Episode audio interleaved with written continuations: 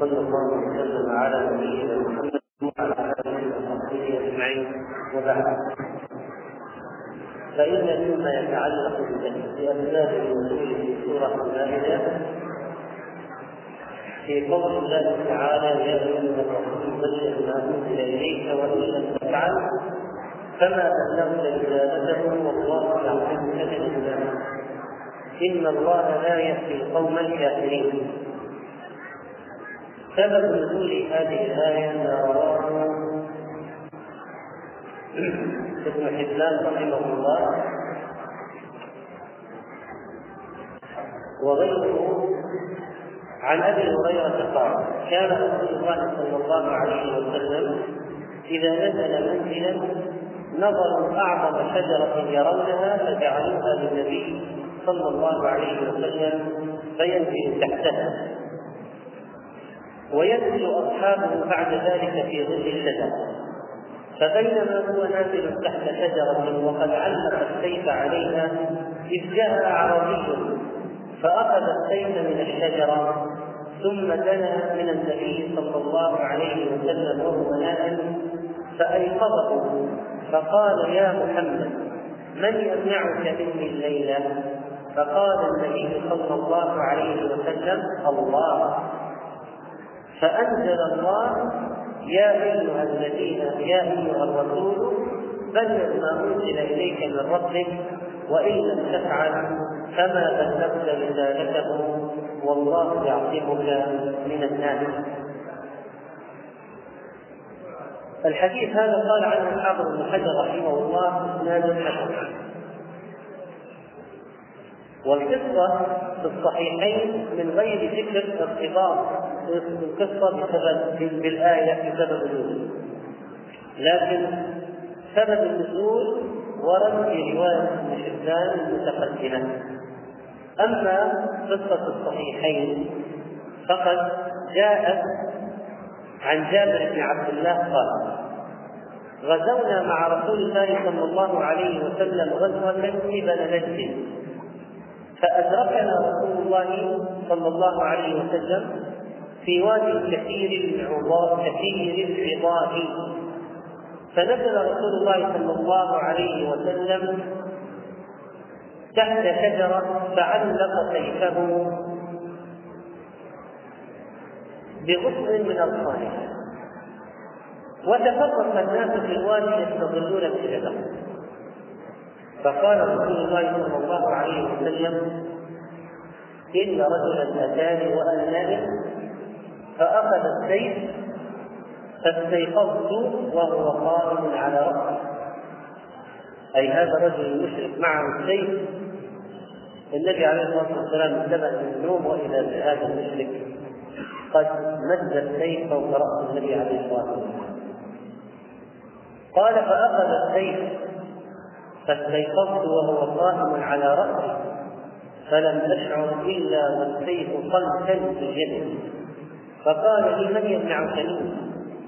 قال قلت الله. ثم قال في الثانية من يمنعك مني؟ قال قلت الله. فشام السيف فها هو ذا جاء ثم لم يعرف له رسول الله صلى الله عليه وسلم. معنى قول الراوي في واد كثير العظام العظام كل شجرة لها شوكة. وقوله في الرواية إن رجلا أتاني سماه العلماء غورة غورة ابن الحارث. وقيل غويرة ابن الحارث. هذا اسم رجل وجاء في رواية أن اسمه جعثورا وقوله خلفا السيف خلفا يعني مسدودا ومعنى شامه يعني غمده ورده في ذنبه هذا الحديث هو في الحقيقة معجزة من معجزات النبي صلى الله عليه وسلم. والآية يا أيها الرسول بلغ ما أنزل إليك من ربك وإن لم تفعل فما بلغت رسالته والله يعصمك من الناس. قيل إن هذا هو سبب نزول هذه الآية.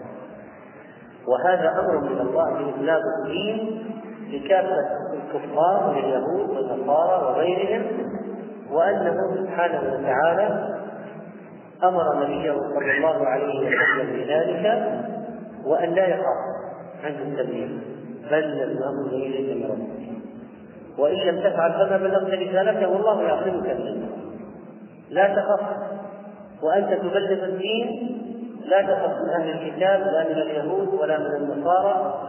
لا يغرنك افتراءهم على ربهم وتوسلهم على أنبيائهم. إنهم حرفوا الكتاب إنهم أصحاب رجاء المطعم والمأكل إنهم خبثاء انهم إنهم في المعاني والخبث بلد منتهى لا تتبع بكثرة عددهم ولا من قلة عدد من معك فإن الله سيكفيك إياهم وسيدفع عنك كل مكروه والله سيعصمك من الناس وهو عز وجل يحميك ويحفظك فتوكل عليه بلغ بلغ ما انزل إليك من ربك قال البخاري في تفسير الآية عن عائشة رضي الله عنها قالت من حدثك تقول مسروق قيل إنه سرق لما كان صغيرا ثم وجد. سرق ثم وجد فسمي مسروقا مسروق يروي عن عائشة أنها قالت له من حدثك أن محمدا كتم شيئا مما أنزل الله عليه فقد والله يقول يا أيها الرسول بلغ ما أنزل إليك من ربك.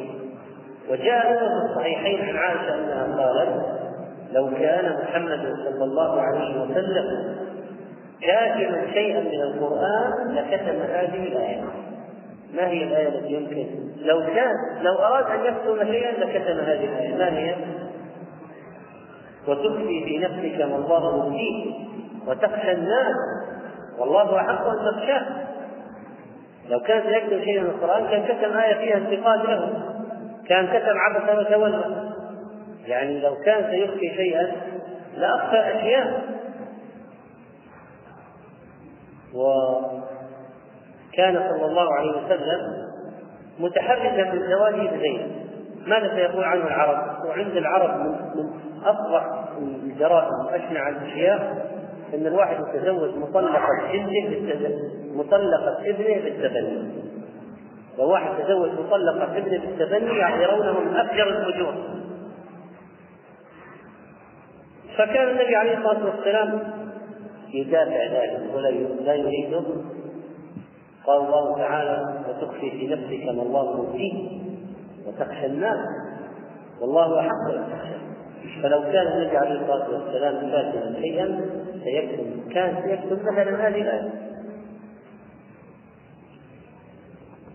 ويقول هارون يقول هارون بن عنتر عن أبيه كنت عند ابن عباس فجاء رجل فقال له إن اناسا يأتون فيخبرون أن عندكم يعني يا ال البيت ابن عباس من عم النبي صلى الله عليه وسلم آه، إن اناسا يأتون فيخبرون أن عندكم شيئا لم يبده رسول الله صلى الله عليه وسلم لله عندكم أسرار خاصة واحاديث خاصة ما رويت للعامه فقال ابن عباس ألم تعلم أن الله تعالى قال يا أيها الرسول بلغ ما أنزل إليك من ربك والله ما ما ورثنا رسول الله صلى الله عليه وسلم من جاء ببيضاء ما أعطانا أي مخطوطة أو كلام خاص بنا إطلاقا.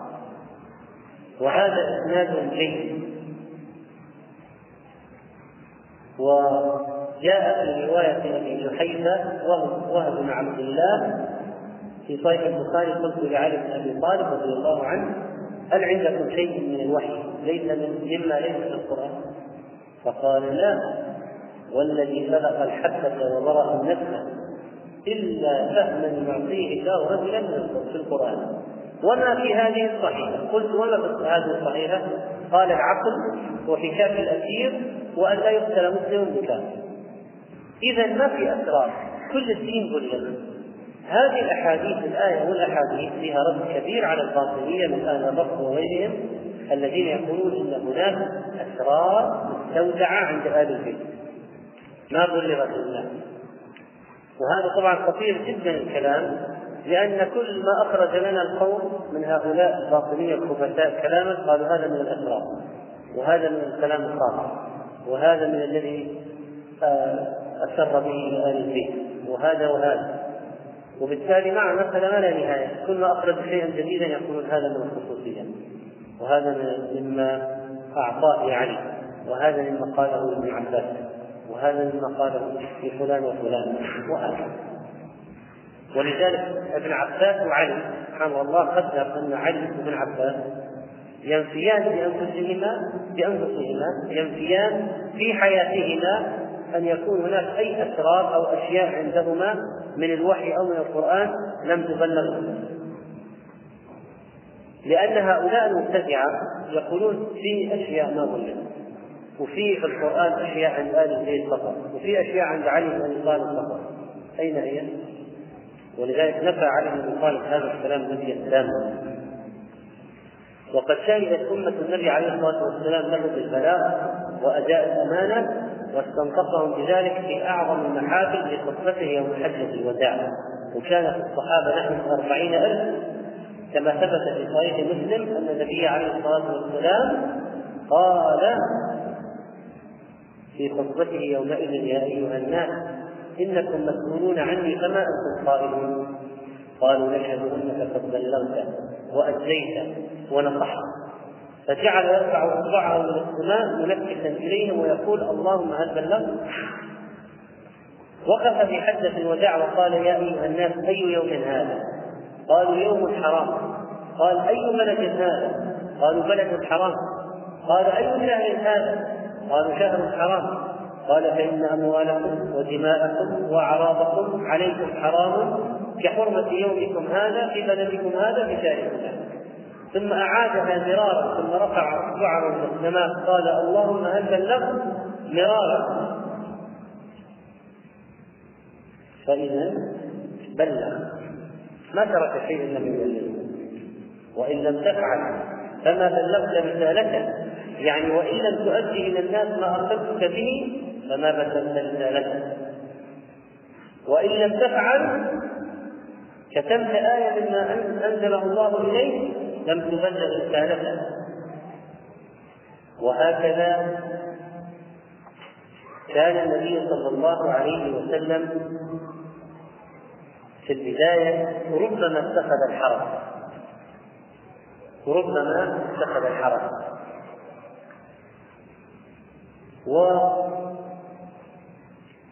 وجاء عند الترمذي وابن ابي حاتم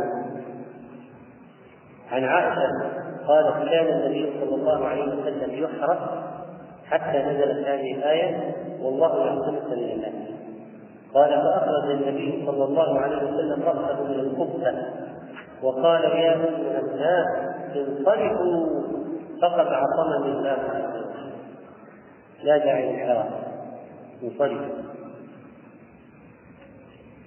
وهذا الحديث حسنه الألباني رحمه كان كما جاء في رواية الطبراني كان العباس عم رسول الله صلى الله عليه وسلم في من يحرسه فلما نزلت والله يعصمك من الناس ترك الحرم وكذلك يقول عثمان بن مالك الخطمي فيما نحدث رسول الله صلى الله عليه وسلم ف بالليل. حتى نزلت الله يعصمك الناس فترك الحرم فترك الحرم وقيل كان رجال من بني هاشم من بني هاشم يحرسون حتى نزلت الآية.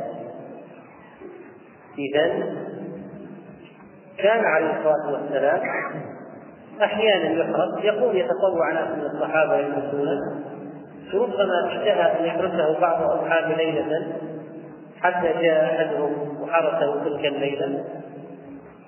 ولكن لما أوحى الله إليه والله يعصمك من الناس يعني أنا حافظك وناصرك ومؤيدك على أعدائك ومبصرك بهم فلا تخف ولا تحزن فلن يصل أحد منهم إليك بسوء يؤذيك وجاء جاءت قصة الحرب عن عائشة رضي الله عنها كانت أنها كانت قالت أن رسول الله صلى الله عليه وسلم سهر ذات ليلة وهي إلى جنبه فقلت ما شأنك يا رسول الله؟ قال ليس رجلا صالحا من أصحابي يحرسني الليلة قال فبين أنا على ذلك إذ سمعت صوت السلاح فقال من هذا؟ فقال أنا سعد بن مالك قال ما جاء بك؟ قال جئت لأحرسك يا رسول الله. يعني أمنيته تحققت لمجيء واحد من أصحابه وهو سعد رضي الله عنه. تقول عائشة يعني من اطمئنان النبي عليه الصلاة والسلام من اطمئنانه قالت فسمعت غطيط رسول الله صلى الله عليه وسلم في نومه. أخرجاه في الصحيحين. القصة هذه حدثت ذات ليلة ذات ليلة مقدمة المدينة يعني على إثر هجرته بعد دخوله لعائشة سنة اثنتين إلى الهجرة. قصة الحرب هذه. بعد ذلك لما نزلت الآية النبي عليه الصلاة والسلام قال لكل من جاء يحرسه يا أيها الناس انصرفوا فقد عصمني الله عز وجل. فقد عصمني الله عز وجل. والله سبحانه وتعالى حرس نبيه وعصمه فعلا من أهل مكة ومن صناديدها ومن معانديها وكانت هناك مؤامرات كثيرة لقتله فنجاه الله وكانت هناك حتى من الجن حتى الشياطين تحذروا عليه ذات ليلة كل واحد معه شهاد من ليحرقه. به فكفاه الله شره وردهم خاسئين لم يصلوا إليه بشيء. وحتى أهل الكتاب كادوا والمشركون كادوا والأحمر والأسود واليهود سحروه فحماه الله وانزل عليه معوذتين داواه مما كان به صدره وأوحى الله إلى الشام أن تخبره أو أوحى الله إلى رسوله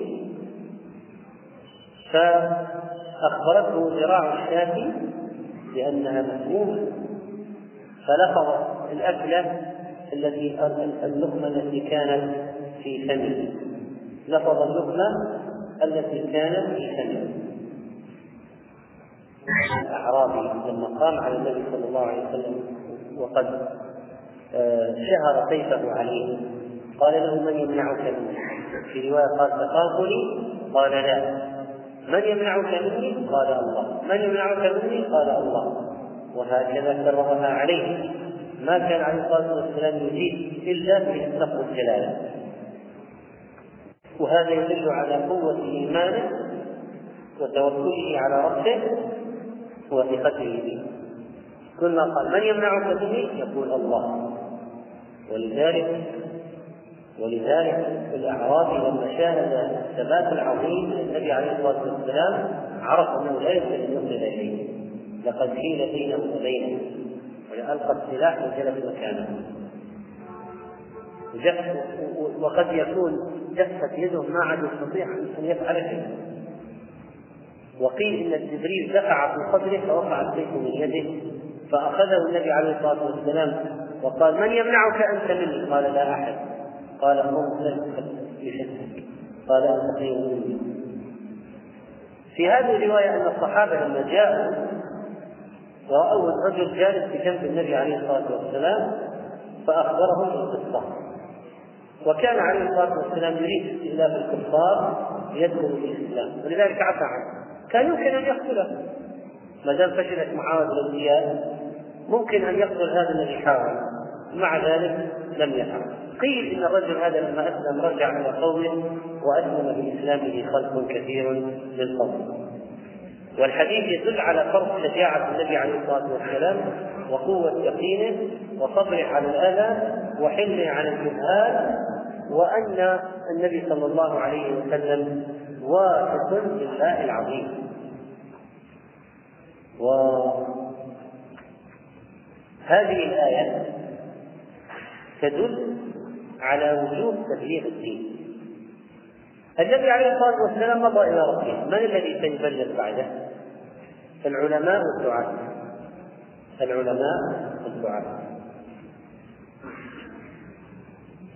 وهؤلاء العلماء والدعاة لهم نصيب من الحماية. لهم نصيب من الحماية. يقول الشوكاني رحمه الله في تفسيره في الآية وهكذا من سبقت له العناية من علماء هذه الأمة يعصمه الله من الناس إن قام ببيان حجة الله وإيضاح براهينه وصرف بين ظهرانيه من ضاد الله وعانده ولم يمتثل بشرعه كطوائف المبتدعة وقد رأينا من هذا في أنفسنا.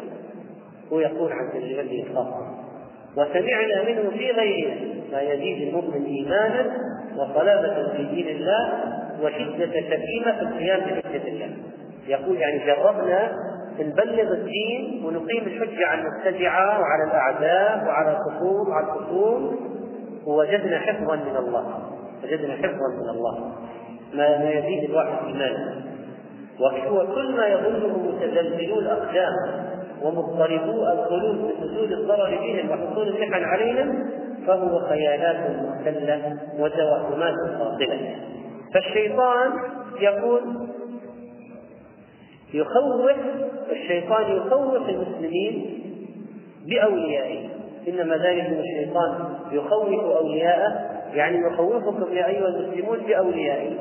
ويلقي في قلوبكم الخوف يقول إن أنهم سوف يقتلونكم وأنهم سوف يظفرون بكم ويقبضون عليكم وينكلون بكم ويعذبونكم لكي لا تبلغوا الدين وتسكتوا تسكتوا عن الحق لا تنكروا المنكر. الشيطان يخوف المسلمين. فينبغي على المسلم هذه الحقيقة الآية فيها درس كبير جدا جدا وبليغ في الدعوة إلى الله. يا أيها الرسول بلغ أنزل إليك. لا من التبليغ ومن بيان الحق.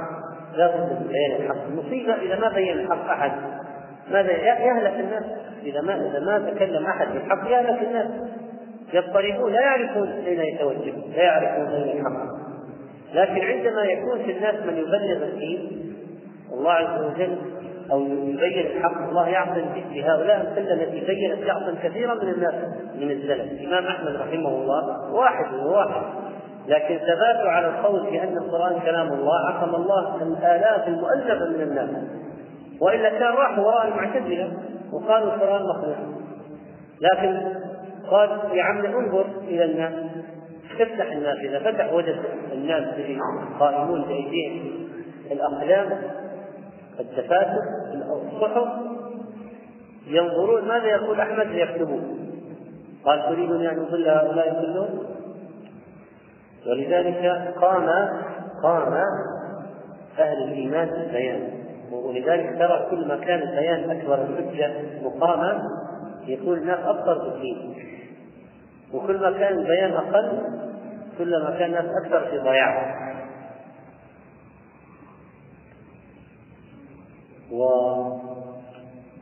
والنبي صلى الله عليه وسلم ما مات إلا وهم على البيضاء. ليلها كالآية ترك الصحابة على غاية من البيان والوضوح.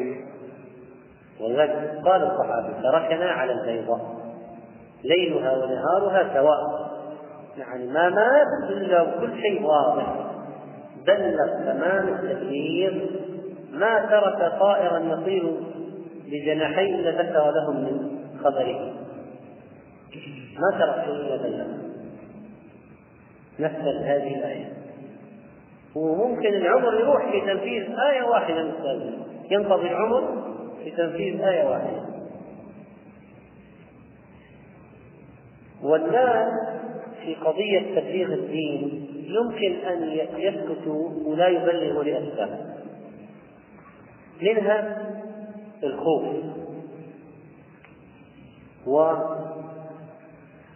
والإغراءات المالية. لأن الإنسان قد يسقط عن الحق لسببين بالترغيب وبالترهيب فيسقط عن إبلاغ الحق والمستطع به لشيء يعطاه أو يسقط عن بيان الحق لشيء يخوف به. والله عز وجل كفى نبيا ورزقه رزقا حسنا فلا يحتاج إلى أن يهدده في رزقه أحد. ما أحد يستطيع أن يمنع عنه ثانيا من الناحية الأخرى حماه من الناس فما في أحد يخوف الآن.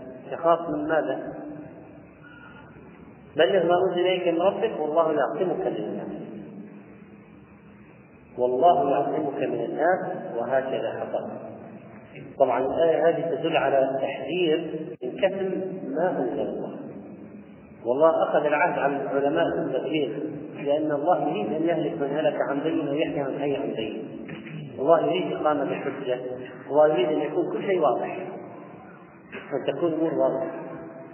والذي يحاول لملمة الأشياء وتغميمها وتغليفها وجعل الأمور غامضة هذا مناقض لما يريده الله.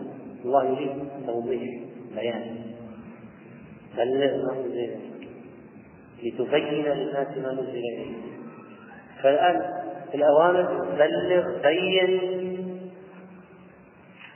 فمن أراد العكس يعني أن تكون الأمور غامضة والأشياء غير واضحة وما أحد يبين معناها مضاد يضاد يضاد إرادة الله من خلقه بلغ الأمر إليه وكل واحد من أفراد الأمة عليه مسؤولية في التبليغ والبيان بقدر علمه ما أعطاه الله من العلم.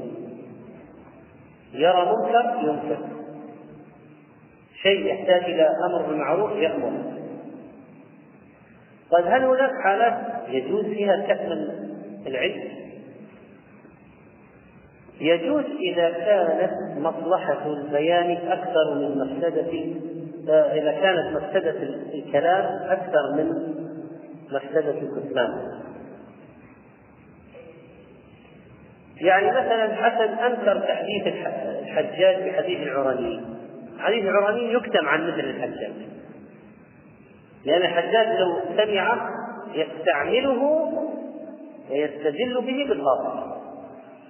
ويتخذه مستحيا في التنكيل بالمسلمين مثلا بعض المحدثين رفضوا تحديث بعض أبناء الخلفاء. لماذا؟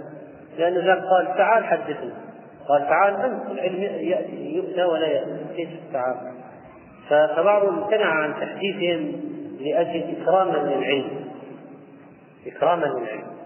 يريد تعال أما تقول أنت تعال حدثنا فما كانوا يفعلون ذلك.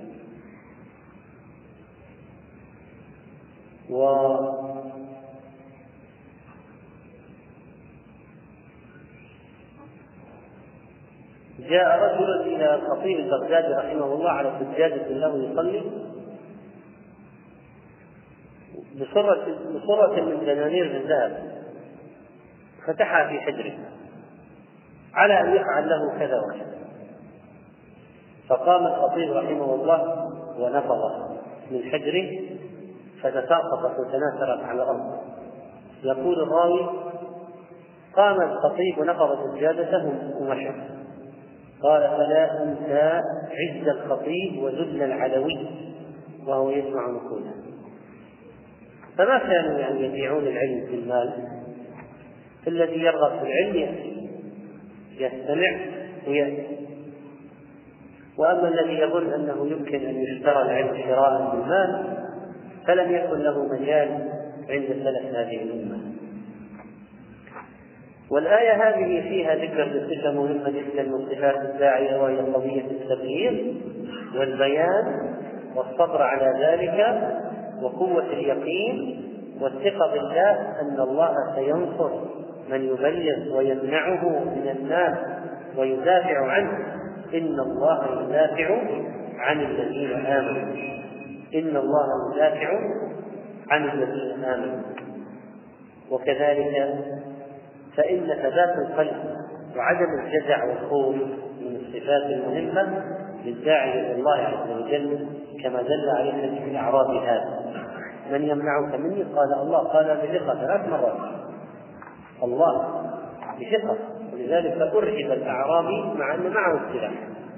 والنبي عليه الصلاة والسلام وهو أعدل وهو أعدل من السلاح بقي ثابتا حتى تغلب عليه.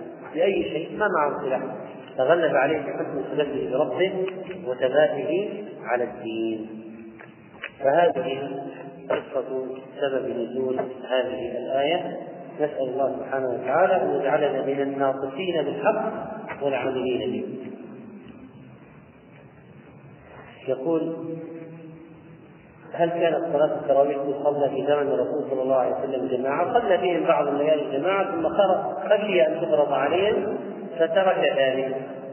فلما مات عليه الصلاة والسلام زالت الخشية وكان أبو بكر مشغولا بحرب المرتدين والأمور في اضطراب في عهد عمر هدأت الأمور واستتبت الأمن فجمع عمر الناس على صلاة التراويح التسع في الدعاء مكروه لأنه من التكلف وجاء في الحديث النهي عن التكلف. علي عدة أيام قضاء من سنوات سابقة لا أعلم كم عدد. اعمل بما غلب على ظنك تقول ما هي أكثر من عشر ما هي أكثر من عشرين؟ قدرها بما يغلب على ظنك ما ترجح لديك ثم اقضي. علي أيام نذر عددها يومين من قبل ثلاث سنوات. ماذا يجب عليه؟ أن تبادر إلى صومه بعد رمضان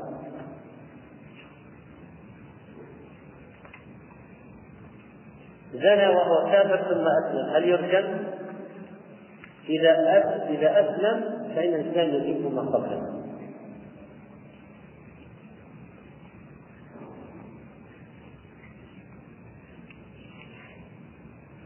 ما هو فقه التيسير؟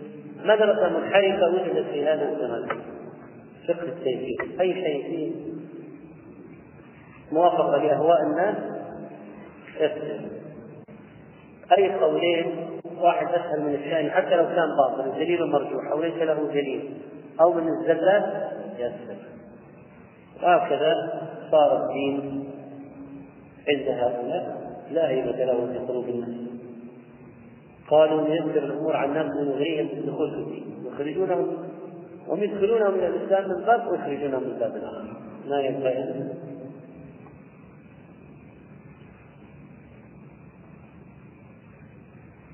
تحديد اللحية. إذا الشعر نابت على العارضين والذقن لا يجوز أخذه ولا تحديده أما ما نبت على الرقبة فيجوز أخذه لأن الرقبة ليست من اللحية. والخط عند كثير من أهل العلم من العلم يقول السؤال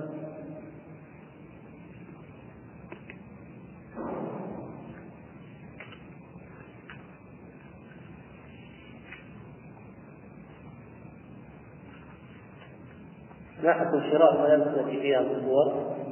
لا يجوز في الملابس التي فيها صور ذوات الأرواح وإذا شرعت عليها الصور تثمن أما صور غير ذوات الأرواح كالأشجار والأنهار والسيارات فلا بأس بمثلها.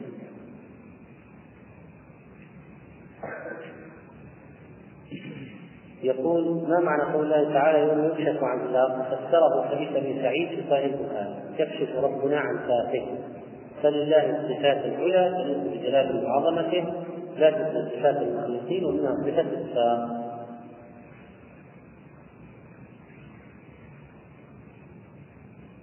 القاضي الذي يحكم الأحكام الوضعيه طبعا يأثم ما دام من يحكم بحكم غير شريعة الله يأثم النظر إلى مبيعات الأخبار من سبل الفتنه العظيمة.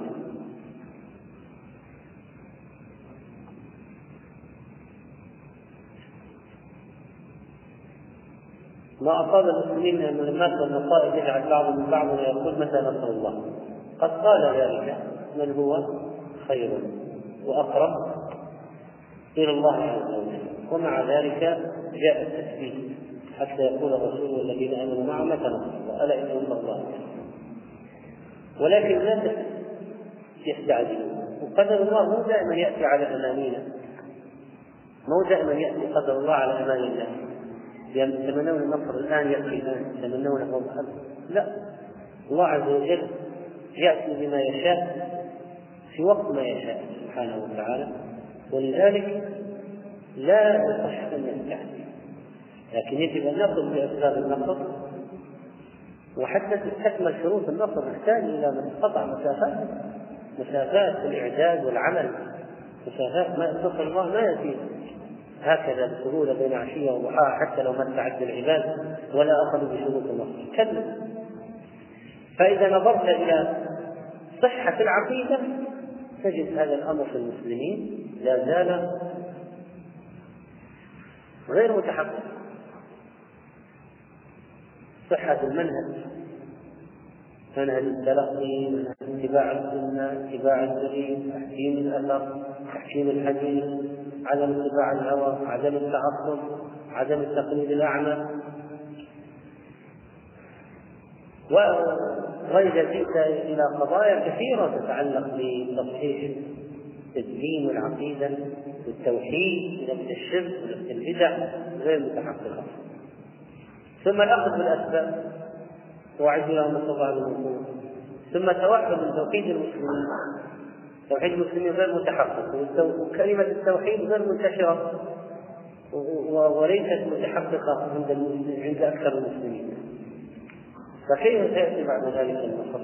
لكن مع ذلك في بشائر تأتي وإرهاصات وأحيانا يعني تحدث المسلمين اتصالات كأن الله يذيقهم حلاوة بعض الأشياء لعلهم ينشقون لتحقيق البقية ليأتي بقية النصر فإذا يعني ما هو لازم يتحقق النصر أيضا دفعة واحدة ممكن يتحقق شيء ما في بلد شيء ما في بلد أخرى أحلى المعارف يصير فيها نصر فهذه أشياء من سنن الله ينبغي أن يرتبط المسلم يقول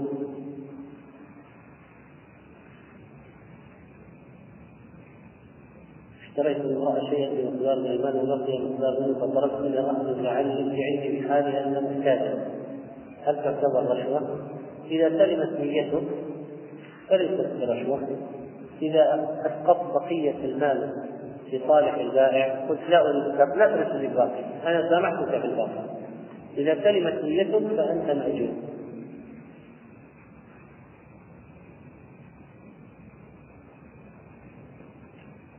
لي صديق يقع في زنا اللمس بدون جماع طيب هذا إذا نوع من الزنا والعياذ بالله.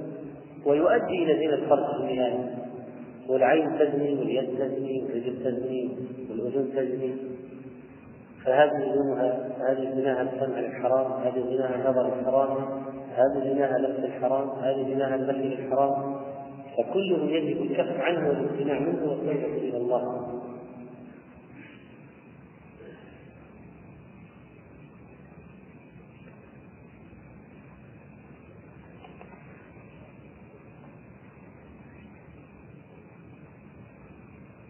رجل مريض بالسكر يأتي الأنسولين في بعض الأيام يقرب السكر ما يجعله يفقد الوعي إذا صار يتورط الصيام فإنه يفطر ويقضي بعد ذلك. إذا كان الصيام دائما يسبب له فقدان الوعي يطعم عن كل يوم مسكينا ولا يجب عليه الصيام.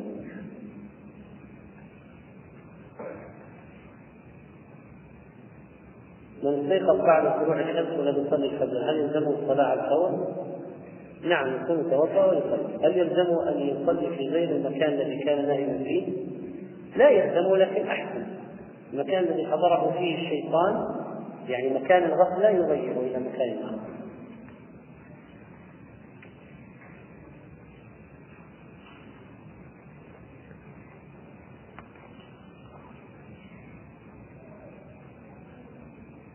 يقول سمعت برنامج كان يناقش موضوع الميراث في الإسلام ووجه سؤال امرأة باحثه إسلامية بين قوسين كانت للأسف كاشفة الشعر والوجه مقيمة في بلاد الغرب. والسؤال الذي إليها هل توافق على إعطاء المرأة نصف الرجل؟ فقالت إذا كان هناك بلد اسلامي يطبق فيه شرع الله فهي تتفق ان المرأة تأخذ ضعف الرجل يأخذ ضعف المرأة. ولكن إذا كان لا يوجد مجتمع يطبق شرع الله فحينئذ يعطى الرجل مثل المرأة هذا تناسب مع الشعر المكشوف فتوى يعني. تتناسب مع الشعر المكشوف وقد حدثت أن واحدة من هؤلاء تفسد التلفزيون وهي سافرة. في كامل زينتها وهي سافرة. فجاء سؤال عن الحجاب لماذا لا تتحجبين؟ قالت أنا من قواعد من النساء. من القواعد. فالآن يعني بقي فاسقات يفتين الناس. شتات طيب والله يقول غير متبرج لو فرضنا ان من قواعد الاسلام الله يقول غير متبرجات بزينه ما هي بالمكياج ثم تصبح من قواعد النساء طيب اللي يفتي الناس قدوة صح؟ الله يقول وأن يستعففن خير لهن في الآية. يعني القدوة يغض المرأة حتى لو كانت كبيرة في السن تغطي خير لها. وتفتي الناس وتترك القدوة. فمن أين ما أتيتها؟ يعني ما ما, ما تجد لها لا تجد لها عذرا. يقول كيف تكون المرأة ناشزا إذا عقد زوجها بالمعروف هو يريدها بالمعروف إلى تعطي تعالي الفراش تخرج. لا تخرج البيت تخرج. لا تضع المال في مكان كذا تخالف. إيمان الزوج بيت الزوج فراش الزوج تخالف. تتمرد عليه. تعصيه مع أنه لم يأمرها بمعصية. يأمرها بطاعة أو يأمرها بمباح وهي تعصي هذا نشوز فهذه تكون عاقبتها اللعنة حتى تفيء وترجع إلى زوجها. والزوج عليه أن يكون حكيما يعني لأن بعض الأزواج ربما يدفع زوجته لمعاندته. أقول بعض الأزواج تصرفاته استفزازية تدفع زوجته لمعاندته طبعا الزوجة أيضا غير معذورة يعني يجب أن تفيء إلى زوجها لكن في المقابل الزوج ينبغي أن تكون طريقته سليمة سوية لا تدفع المرأة للمعاندة. يعني كأن بعض الأزواج والزوجات الكلام الذي بينهم نوع من التحدي. رائحة العنف هل تفضل؟ لا.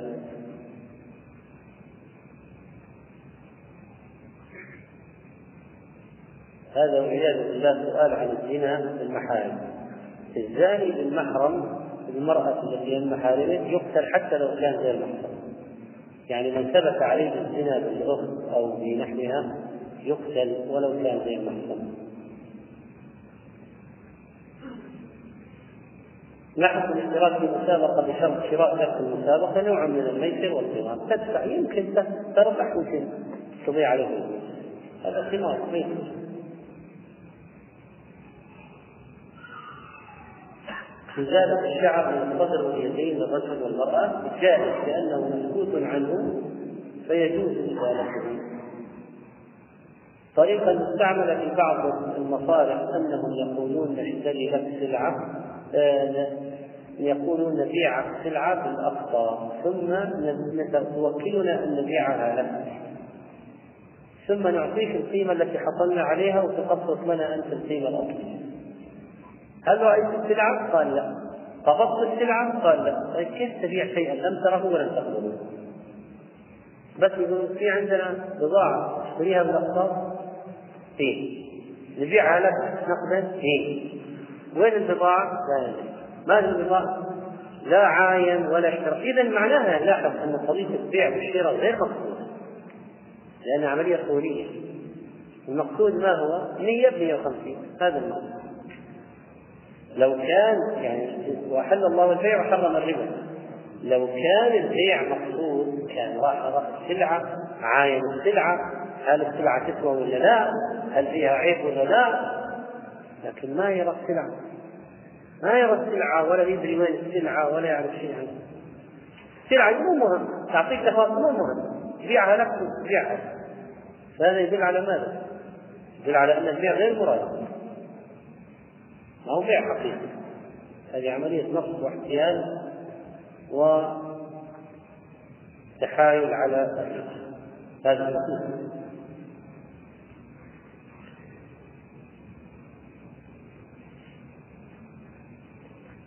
في الطائرة صيام الطائرة يكون إذا غربت الشمس في الطائرة. إذا ظهرت إحدى علامات البلوغ ولم تظهر علامات أخرى يعتبر ذلك يعتبر ذلك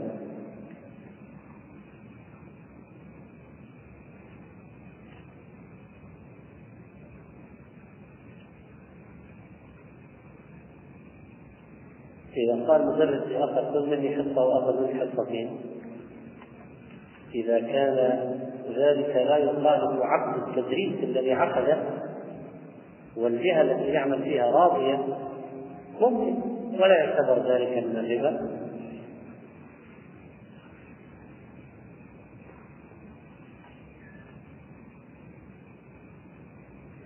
منذ فترة تقترب 30 سنة نزلت فريضة صيام شهرين إذا تحقق لها أمل معين والحمد لله تحقق وإلى الآن لم تصل. إذا يقول ظروف مرضية حالية إذا زالت الظروف المرضية ومن عجز عن الوفاء بالنذر فعليه التوبة وكفارة اليمين إذا قصر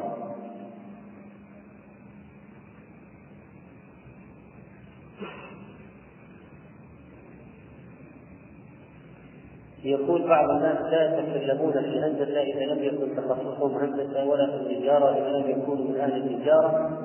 فلماذا يتكلم بعض الناس في الحلال والحرام؟ كل من وجد يدخل في هذا المجال. صحيح؟ هذه قضية صحيحة آه، وهي أن كثير عدد من الناس يدخلون فيما لا يحسنون في الشريعة ويقولون الدين ما هو حكر على أحد. هذا كلمة حق يراد بها بعض. الدين ما هو حكر على أحد تفضل تعلم. كل كل واحد كل الناس تعلم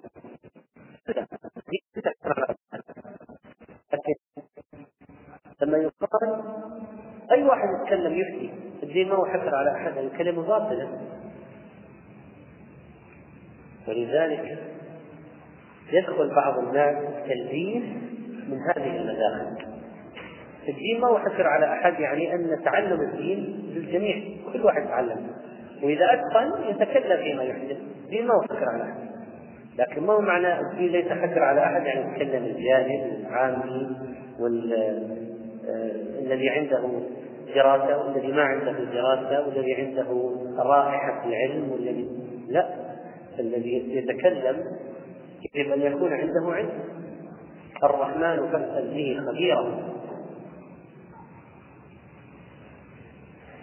هنا حصل خطأ في اتجاه تحديد القبلة عندما يكون هذا السؤال في أحد البيوت. إذا كان الانحراف يسير مع مع مع أنك لما كنت تصلي في الاتجاه الأول كنت متأكد أن هذا هو الاتجاه صحيح؟ فليس عليك شيء إن شاء الله. حقيقة الغلام شاتان هل تذبحان في وقت واحد؟ نعم هذه السنة. ممكن يجوز يؤخر واحدة عن واحدة لكن الأفضل أن تذبح معا.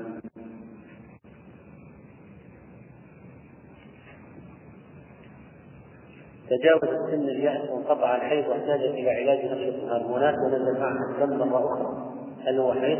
لا أدري ما رأيت من يلعب أثناء صلاة التراويح وهو هل ينتقد الوضوء؟ إذا لم يغب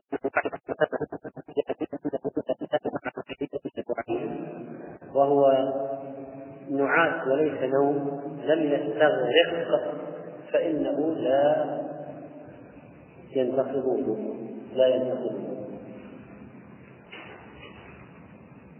كنت قائما ولم ينزل فتمضضت فبلعت بعض الماء بغير شعور مني فليس عليك شيء من عندي راتب 1000